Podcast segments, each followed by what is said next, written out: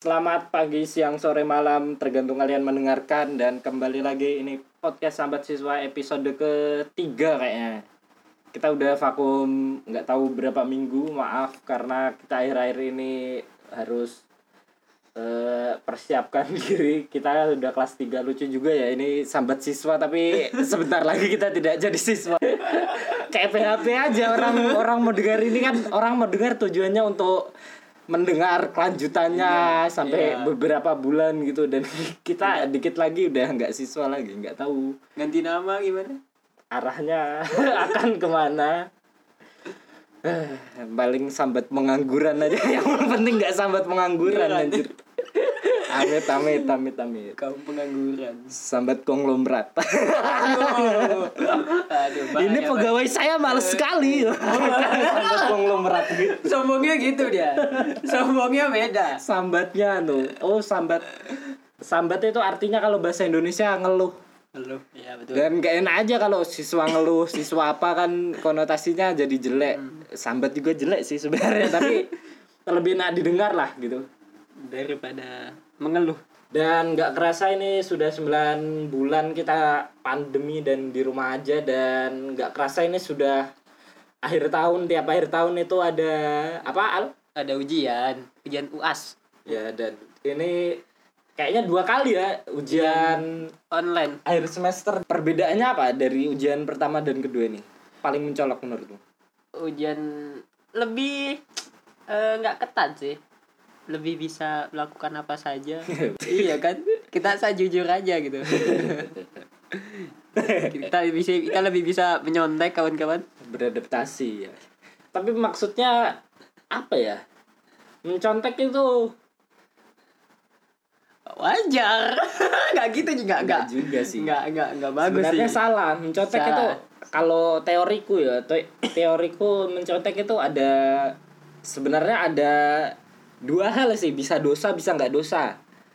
Dosanya pertama kalau guru sudah menerangkan dengan sebaik mungkin dengan semuanya tuntas itu dan harusnya kamu tahu, gitu. Tahu ya betul. Cuma masalahnya ada di kamu aja gitu.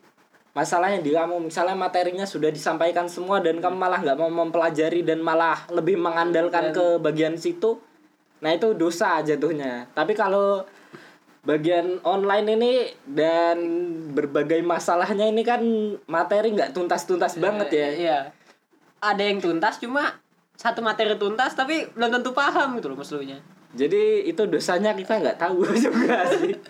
Yang dosa siapa? Antara dilema. 1 sampai 100 skalanya nyontek berapa persen? Seratus Padahal itu kesempatan kamu untuk bohong loh. Saya membantu kamu 50 70 persen lah masih masuk akal gitu malah. Jujur sekali. kita harus jadi orang yang jujur mau tanya saya apa tidak? Ya, gimana dengan anda gitu Aku adalah 98 persen. Wah. terpilih sih dua persen Duanya itu anu gampang kan. Kalau masalah pelajaran apa ya yang gampang? Oh penjas. penjas kan tinggal penalaran logika aja. Kalau servis bawah tangannya di mana kan Nah. kita tinggal mempraktekkan. apal-apal ukuran lapangan sedikit-sedikit Sebenarnya tahu, tapi untuk memastikan tetap aja lihat internet. Makanya 98 persen. persen Dan nilai-nilai gimana? Bagus. oh bagus semua Smooth, nggak ada yang bermasalah. Hmm, nggak ada sih. Harusnya nggak ada. Mau bermasalah juga bingung. Masalahnya satu, Apa? kepuasan hati tidak ada. Parah boy. kan kalau disuruh milih nilai bagus, hati tidak puas atau nilai standar tapi hati puas karena usaha sendiri. Jadi gini. Karena di dunia kita lebih mementingkan nilai, saya milih nilainya bagus tapi hati tidak puas. Idealisme tidak ada masa muda ini. Idealisme sudah tidak ada. Iya antara idealisme dan realis gitu. Iya. Kita idealnya pasti semua orang mau hakikat pendidikan kan untuk Ya. memahami gitu, enggak sekedar mencari nilai Mencari kan. nilai, betul. Yang penting memahami. Karena semakin dekat ke SBMPTN kita semakin sadar gitu kalau eh, ternyata pendidikan kita selama 12 tahun ini kayaknya nggak tergantung nilai semua Ah, tergantung nilai semua. Jadi kita malah belajar SKS kebanyakan ya. Iya, Sistem betul. Kebut semalam.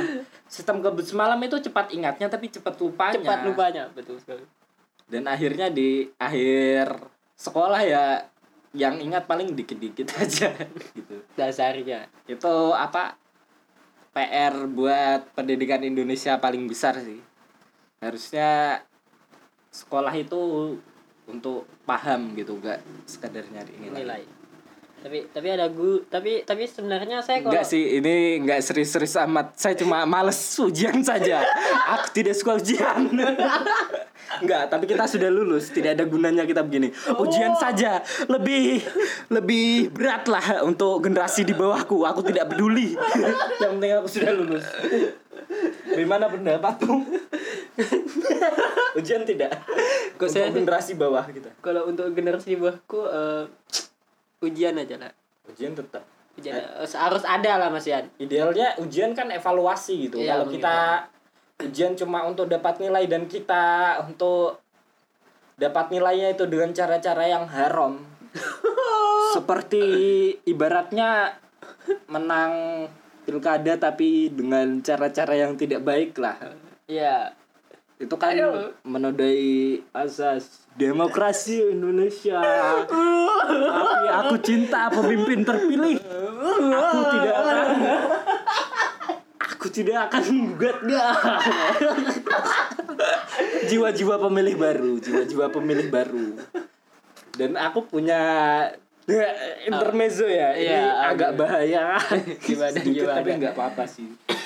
Punya teori sendiri dari sebenarnya ini nggak nggak berlaku paten ke mencontek aja. Iya. bisa berlaku di kecurangan-kecurangan lain kayak korupsi atau kayak money politik. Oh berat tidak bro. tapi saya tidak mendengar apa itu money politik. Kayaknya demokrasi kita sudah dewasa ada yang namanya money politik. Tapi nggak tahu ya di luar sepengetahuanku itu. Sambat siswa ya. aduh nah, nama dari nama udah. Ada yang mau dibicarakan? Dengan channelnya sahabat siswa bahasnya ke politik. Takut dia. Ini masih shock politik sih. Masih shock masih masih 17 pemilih. tahun. masih baru masih baru Shock masih baru politik. dalam politik. Kembali lagi ke teoriku. Teoriku itu adalah dalam sebuah kecurangan oke. tidak semua orang itu jahat.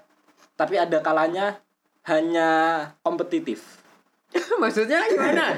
Gimana ini? Maksudnya begini kan nggak mungkin semua dalam kejahatan ya. Misalnya paling dekat ke kita sambat siswa itu mencontek lah. Hmm.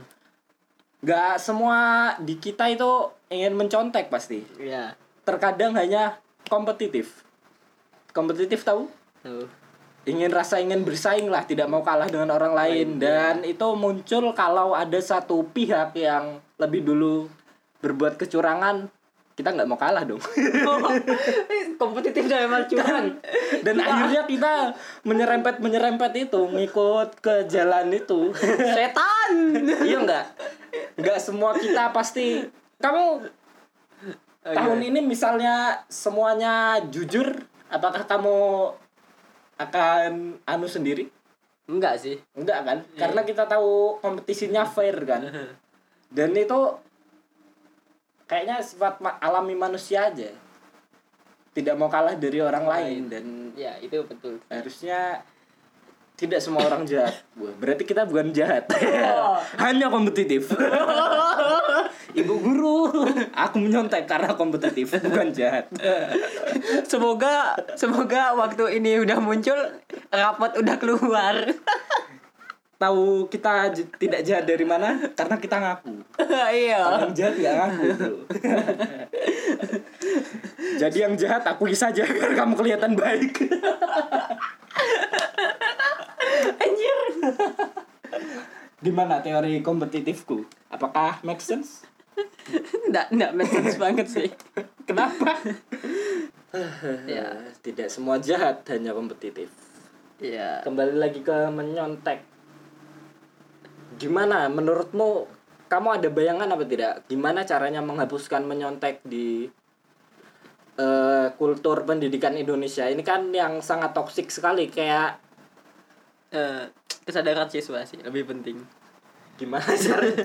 Kesadaran itu juga tahu anak SD anak SD kelas 3 juga kalau ditanya gurunya bagaimana cara eh, temanmu agar tidak menyontek? cara agar Indonesia tidak ada penjahatnya? Ya disadarkan bu. Sadarkan penjahatnya. Tapi kan dia nggak kepikiran cara menyadarkannya itu. Gimana? Ayolah jangan menggunakan logika anak SD di muasabah ayo ayo. Kalau- bagaimana cara pertama sad- sadar dari anunya masing-masing. Kedua eh kalau lebih baik sih kalau di sekolah sekolah itu ya semua siswa itu eh ada ekonomis mahasiswa di setiap kelas. Ada. Ada kalau kita dari hal kecil ulangan ya. Hmm. Iya ya, harusnya dari kultur paling bawah Nah, gitu ya. dari paling kecil ulangan supaya ulangan gak mencontek itu kan supaya ulangan gak mencontek kan itu biasanya eh, guru ngawasin. Tapi biasa itu ada guru-guru yang nggak ngawasin waktu kita lagi ngerjain ulangan gitu loh. Kalau guru ini nggak ngawasin otomatis kita ada kesempatan. Seperti eh, kejahatan. Di mana ada kesempatan bisa terjadi kejahatan kan Kuncinya di poinnya di eh, pengawasan dan pengawasan penegakannya ya. kalau guru Ke sanksinya misalnya ketahuan, harusnya apa? Yang ideal gitu biar dia apa ya? kultur ini bisa dihapus. sebenarnya supaya mereka kapok sih eh, di bukan nilainya sih yang dianu mereka suruh ujian ulang Iya ya, harus mereka suruh ujian ulang aja lisan.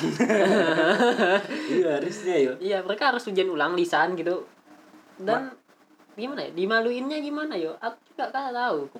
So- Soalnya kalau hukuman biasa itu malah tidak ada penyadaran. iya.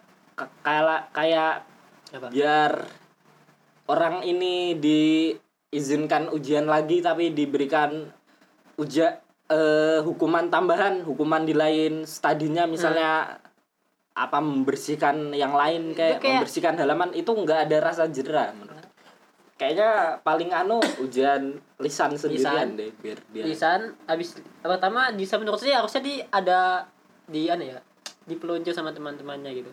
Gini gini. Sosial ya temannya nyontek juga. Dia kan pasti aku tidak mau sendiri. Dia menunjuk teman-temannya. Dia mayoritas bro kalau di situ. Dia kaum mayoritas berarti mayoritas tidak akan bisa dipeluncur. Eh, kayaknya iya ya. Ko- kontrol sosialnya sih. Harusnya penyadaran kalau kayak peluncur kan harusnya yang lain sadar duluan juga. Nah, iya. Tapi dengan belum sadarnya ini ya susah juga kalau dengan kontrol sosial ya. Kayak norma Iya. norma masyarakat lah gitu iya. Ya kayak norma tidak boleh keluar malam gitu kan masyarakat ngelihatnya nggak enak toh. Nah, tapi ada aja. Eh, tapi di sekolah ada temanmu yang nyontek kita tidak anu melihatnya seperti sebuah kejahatan. Malah kadang berkomplot kita kalau tidak berkomplot jadi nilai jelek jadi tidak ditemani. Aduh. Padahal eh, apa niatnya baik gitu. Kayaknya memang tidak efektif seperti itu. Ya mau sentuhlah dia tepat di hatinya bro. Wah gunakan gunakan jampi jampi belajar ilmu hitam. Masa belajar ilmu hitam? Gimana ya penyadarannya? Susah. Susah. Kamu mau gimana? Menembus kalbu seorang remaja ini susah sekali. Ya diceramahi nggak akan masuk masuk. Kayaknya kulturnya sih dari sejak dini gitu. Iya. harus. Dari sejak dini lah. Soalnya kalau sudah dari remaja mau di anu sudah nanggung gitu. Kayak kalau remaja kebal dari segala nasihat segala orang kayak hidup hidup saya gitu kan. Kalau masih kecil ya ngikut sih harusnya. Kalau masih eh, ya masih SD lah Eh, kamu kepikiran apa tidak? Kayak soal ujiannya kita harus diganti. Diganti gimana? Diganti dari segi cara berpikirnya tidak dari segi hafalan. Setuju. Karena kalau saya lihat masalahnya ada di situ juga. Iya. Salah satu parameternya ya dari sebagian banyak faktor itu ada di eh, bagian soalnya juga. Hmm. soalnya kebanyakan soalnya kita berpacu pada hafalan. Ada sebenarnya toksik sekali nih soalnya kalau kayak saya baru pengalaman baru juga karena belajar online ini kan belajar di berbagai online platform. Platform ya betul. Belajar gitu kan malah itu harusnya tidak ditekankan kepada hafalannya Hafalan. tapi ke- kepada konsep. memahami konsep. Kayak ah, sebenarnya haram hukumnya untuk ditanya sebutkan apa pengertian dari ini ini ini ini ini harusnya kan bagaimana nah. menurutmu yang dimaksud ini ini ini, Nah. ini ya bagus biar dia bisa dari cara berpikirnya dia sendiri kan ya ya ya soalnya ya. kebanyakan kita harus kalau bicara tentang pengertian pasti pengertian yang ada di buku yang akan 100% benar benar Maksudnya kamu maksa anak orang untuk bisa ngapal semua pelajaran dengan plek-plekan cetakannya seperti di Itu- buku itu susah. Dan gimana caranya kita nggak mau menyontek gitu dengan dengan apa dengan kulturnya yang seperti itu. Dengan soalnya yang terlalu hafalan kalau kamu salah kata sedikit itu bisa dikatakan salah. Kan kita ya nggak mungkin bisa sama pasti. Setiap kita punya pemikiran berbeda pasti. Beda-beda. dan kalau kita lupa sedikit sebenarnya nggak masalah. Misalnya apa deh? Pengertian di ilmu pengetahuan. Apa itu pertumbuhan? Eh, Nah, gitu. pertumbuhan kan misalnya harusnya pertumbuhan mungkin kalau di buku pertumbuhan adalah proses makhluk hidup untuk mencapai yang bisa diukur secara apa kalau pertumbuhan? Ya Allah goblok. Belum ya kita selama kita nggak sekolah jadi begini woi. Pertumbuhan apa? Jadi ukur secara kua, apa kuantitatif. kuantitatif. Nggak kualitatif. Nah, kita tadi ingatnya kan nggak terlalu plek-plekan di buku ya kan? ya. Kita cuma ingatnya dari segi konsep, Konsep aja. aja. perbedaannya kuantitatif dan kualitatif. Di sekedar di kata kunci aja. Yang penting kita tahu konsepnya. That's it. Itulah pendidikan. Jadi gini kalau di pendidikan Indonesia menurut saya itu eh, di faktor pembimbing pelajarnya sih. Ya pembimbingan belajarnya ya. Nah, itu. Iya. Pengajarnya. Tapi nggak bisa expect terlalu banyak juga sih. Soalnya gajinya. Eh, harusnya menjadi guru itu profesi guru harusnya menjadi top of mind di bagi kita yang lulus gitu. Aku lulus lanjut kuliah ke mana ya? Harusnya guru harus jadi prioritas utama. Karena guru memegang peranan penting dalam kemajuan eh, ilmu pendidikan teknologi dan taraf kemajuan sebuah negara kan itu. Dari segi teknologinya kayak kita kurang banget loh. Saya lalu baca di mana ya? Baca di satu situs anu lah. Masalahnya industri kita paling besar aja mohon maaf ya nggak ada maksud apa rokok gitu. Ya. Kita kurang kurang ada passionate dan memang kita kurang dapat dorongan dari pendidikan itu untuk mencapai taraf kemajuan negara lain dengan Amerika misalnya. Itu sebenarnya bukan masalah ke kita selalu membicarakan itu di masalah kekayaan. Iya Amerika negara adidaya. Eh, itu masalahnya sebenarnya yang setidaknya bisa kita lakukan itu nggak sekedar dengan uangnya gitu. Pendidikan ini paling utama. Iya. Kalau kader-kader penerus bangsa ini boys oh. Kalau siswa-siswa ini bisa dilatih dengan tanpa paksaan dengan dia bisa belajar dengan sepenuh hatinya itu pasti Indonesia yakin akan maju. Jadi gini saya saya, saya pernah ya tentang ilmu cocokol cocokologi kenapa? Jadi gini saya pernah baca seorang profesor dari Indonesia ini profesornya dari Indonesia. Dia itu pergi ke, ke Papua. Nah, dia tuh ingin membuat Papua menjadi eh, memiliki daya saing memiliki daya saing tuh loh. Eh, supaya bisa bersaing dengan orang-orang yang ada di Jawa sana. Orang Jawa sana kan biasa dianggap lebih jadi guru ini ngajarin ini orang-orang Papua. Saya pernah baca. Itu guru ini eh profesor ini wes agak aja profesor. Pro- profesor ini dia ngajarin orang-orang Papua itu gimana yo? Dia bilang itu biarkan saya orang-orang terbodoh di negaramu dalam dua tahun saya akan jadikan dia orang-orang berprestasi Hmm. nah Lalu.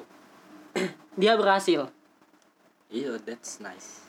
dia tahu konsep dia dia dia dia yang dia ajarin bukan tentang eh, menghafal saya baca Konsep. konsep dia dia ajarin tentang konsep dia sehari bisa ngajarin ke anak-anak itu dalam satu anak itu bisa jadi eh, kayak dua bab Hmm, ya. nah kamu kalau cuma menghafal aja dua bab silahkan saya aja sekarang kalau bisa Iya, sebenarnya kunci pendidikan adalah menjadikan ilmu itu paham.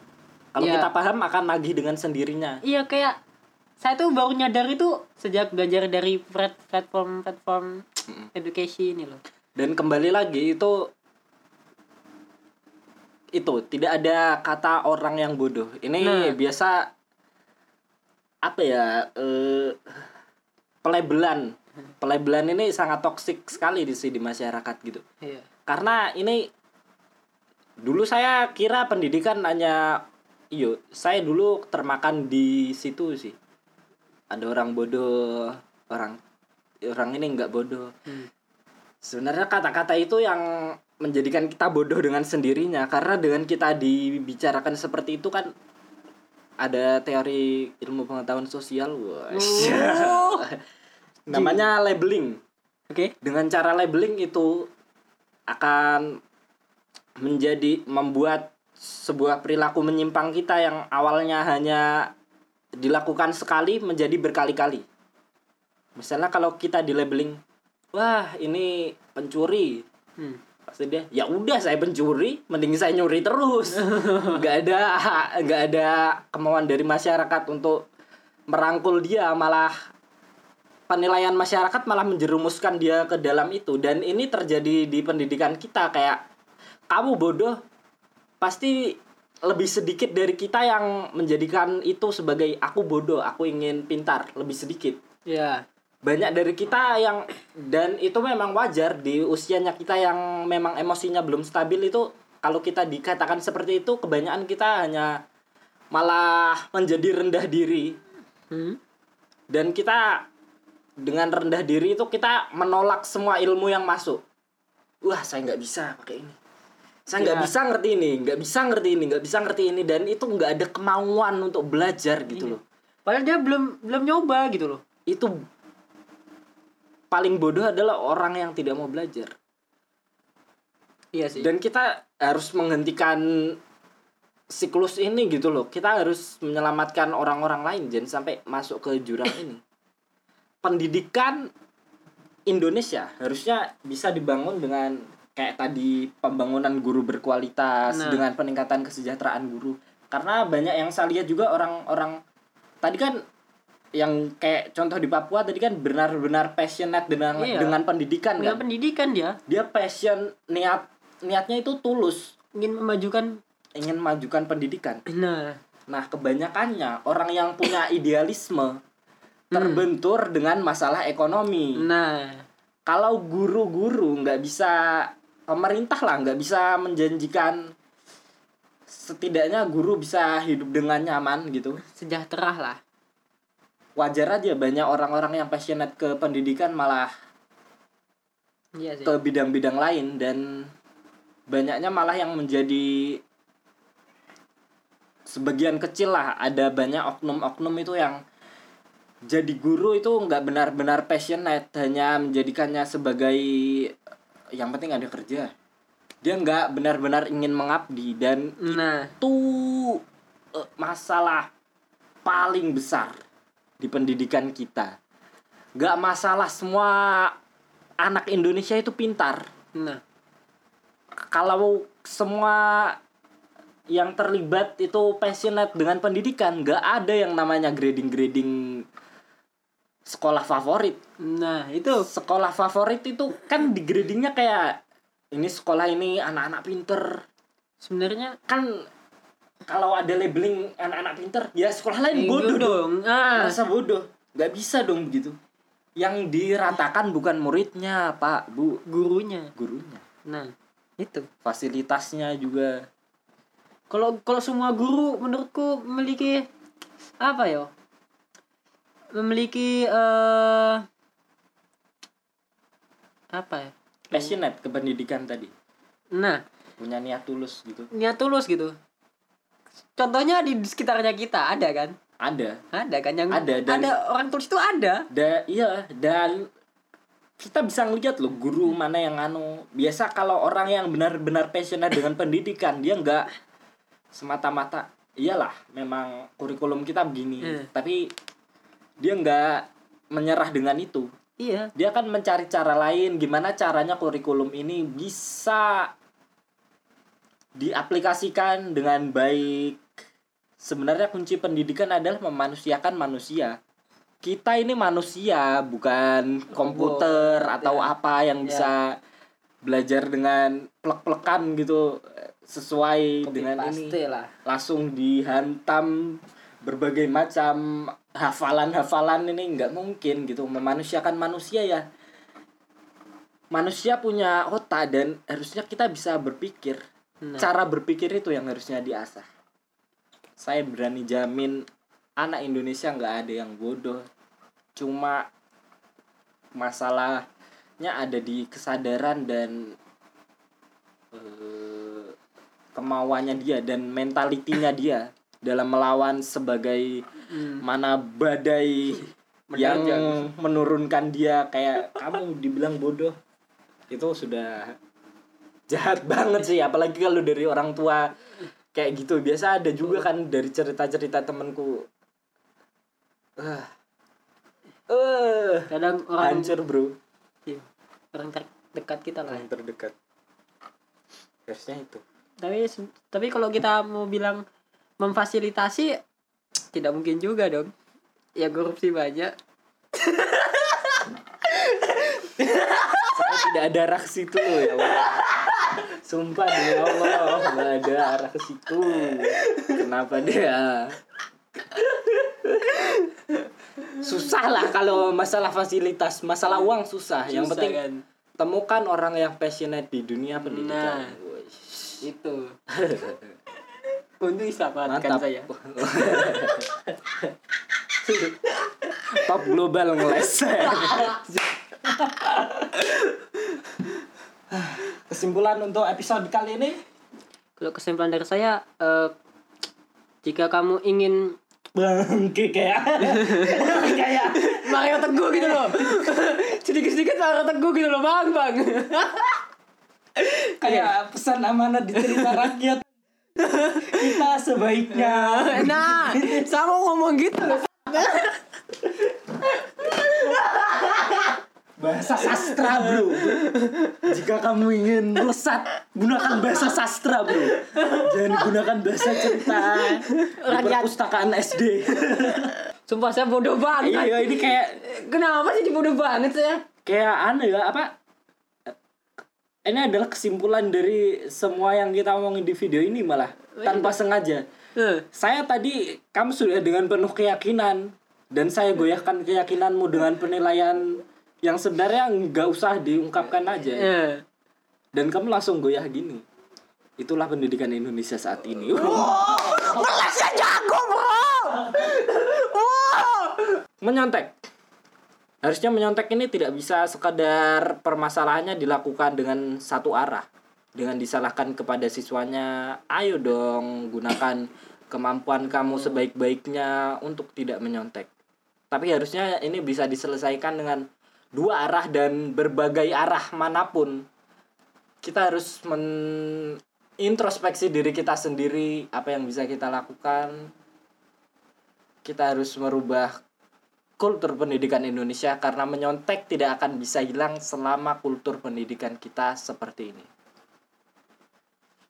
hidup konsep.